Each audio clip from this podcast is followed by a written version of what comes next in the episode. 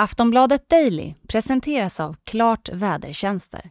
Moderaterna, Kristdemokraterna, Sverigedemokraterna och Vänsterpartiet stoppade i måndags förslaget om fri hyressättning i nyproduktion.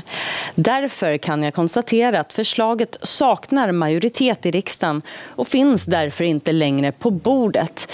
Ja, det säger Annie Lööf nu till DN och vill stryka den numera ökända punkt 44 från januariavtalet och omförhandlare.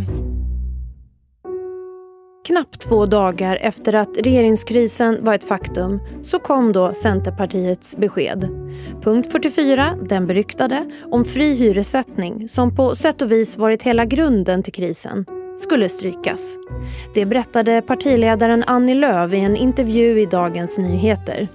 Men innebär beskedet att krisen är över? Eller kommer det för sent för att det i praktiken ska ändra någonting? Det och mer försöker vi reda ut i dagens Aftonbladet Daily. Innan vi tar oss vidare i dagens avsnitt så måste vi slänga in en liten brasklapp. Det här spelades in lite efter klockan fyra igår. Det innebär alltså att alla eventuella reaktioner, besked, nya utspel och liknande som kommit under kvällen inte är med här i avsnittet. Men med det sagt, dagens avsnitt handlar alltså om Annie Lööfs besked att slopa punkt 44.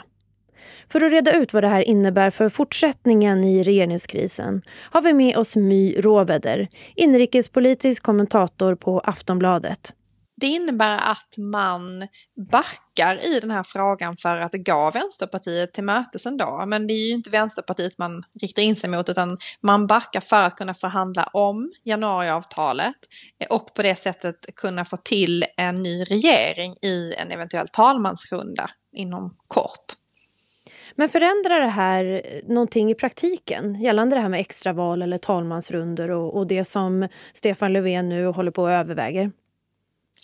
Det vet vi när vi vet vad Vänsterpartiet svarar och vad Stefan Löfven svarar för att priset för att ta bort den här punkt 44 det är ju inte gratis utan eh, Annie Lööf har ju lagt in en rad eh, andra liberala reformer som hon vill se för att eh, omförhandla januariavtalet.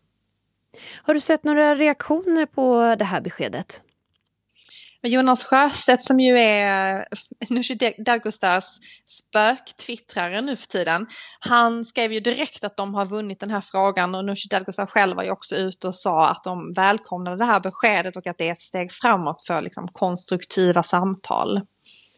Men kan det här lösa någonting då?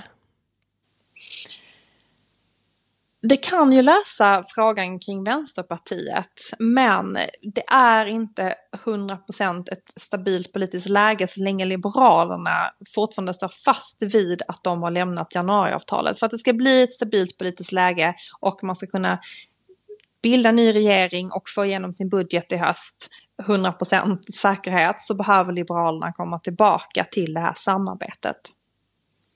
Varför tror du att Löv har backat backat. Det har ju varit benhårt innan, har i alla fall jag uppfattat det, med den här punkt 44. Det har ju varit benhårt i relationen till Vänsterpartiet, men punkt 44 i januariavtalet har, som jag har förstått det, inte varit en av deras prioriterade politiska sakfrågor, även om man tycker att det här är politik som bör införas.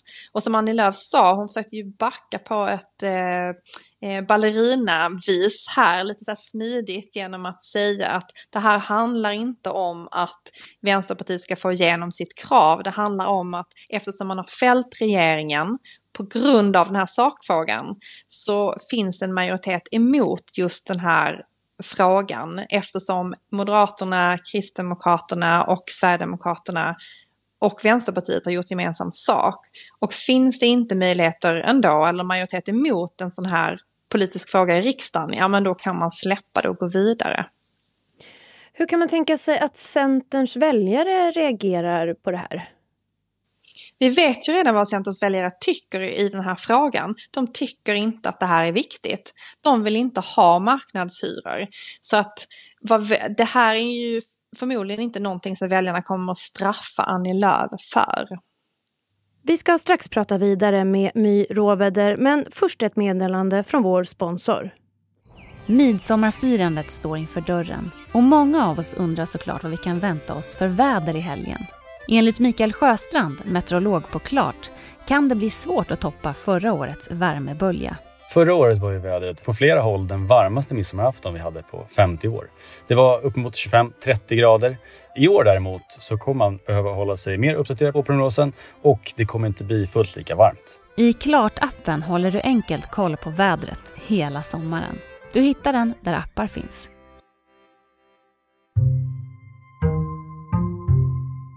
Vi är tillbaka. Liberalerna har sagt att de har lämnat januariavtalet och nu kommer verka framåt för en borgerlig regering. Men Centerpartiet de hoppas på att Liberalerna återvänder. Så frågan är om Centern kan lyckas med det här, att locka tillbaka Liberalerna. Vi ska höra My Råväder igen. Ja, vem vet?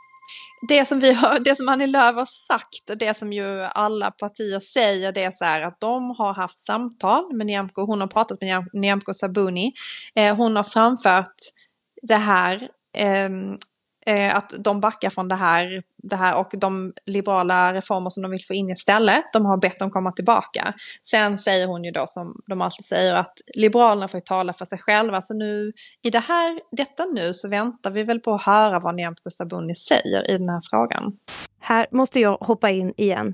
För efter att vi spelade in det här avsnittet meddelade Liberalerna att de nobbar Lövs invit och att deras tidigare besked om att lämna januariavtalet, det står fast. Kort senare meddelade Löv igen att hon tyckte att Liberalerna borde begrunda deras bud och att hon vill hitta vägar framåt för liberal politik. Ja, sista ordet, det är nog inte sagt här. Och vår avslutande fråga till My Råväder är helt enkelt, vad händer nu? Ja, men vi behöver lite svar. Vi har fått svar från Stefan Löfven. Han fanns med i den här DN-artikeln där Annie Lööf först uttalade sig. Han sa att han välkomnar att hon ser på det här konstruktivt. De har ju ett gott samarbete, Socialdemokraterna och Centerpartiet, för tillfället.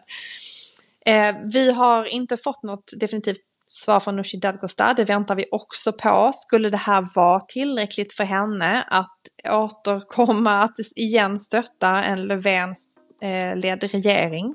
Sen väntar vi på Nyamko Sabuni såklart. Kommer hon att komma tillbaka eller inte? Och vad händer om hon inte gör det? Då finns ju risken att Stefan Löfven kan komma tillbaka som statsminister men kanske då inte får igenom en budget i höst i riksdagen. Så det är ju det läget vi befinner oss i just nu. Vi väntar på svar. Det är mycket spännande. Sist här hörde vi My Råväder, inrikespolitisk kommentator här på Aftonbladet.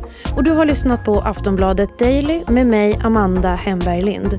Och alla nyheter gällande regeringskrisen det hittar du som alltid på aftonbladet.se. Tack för att du har lyssnat. Hej då.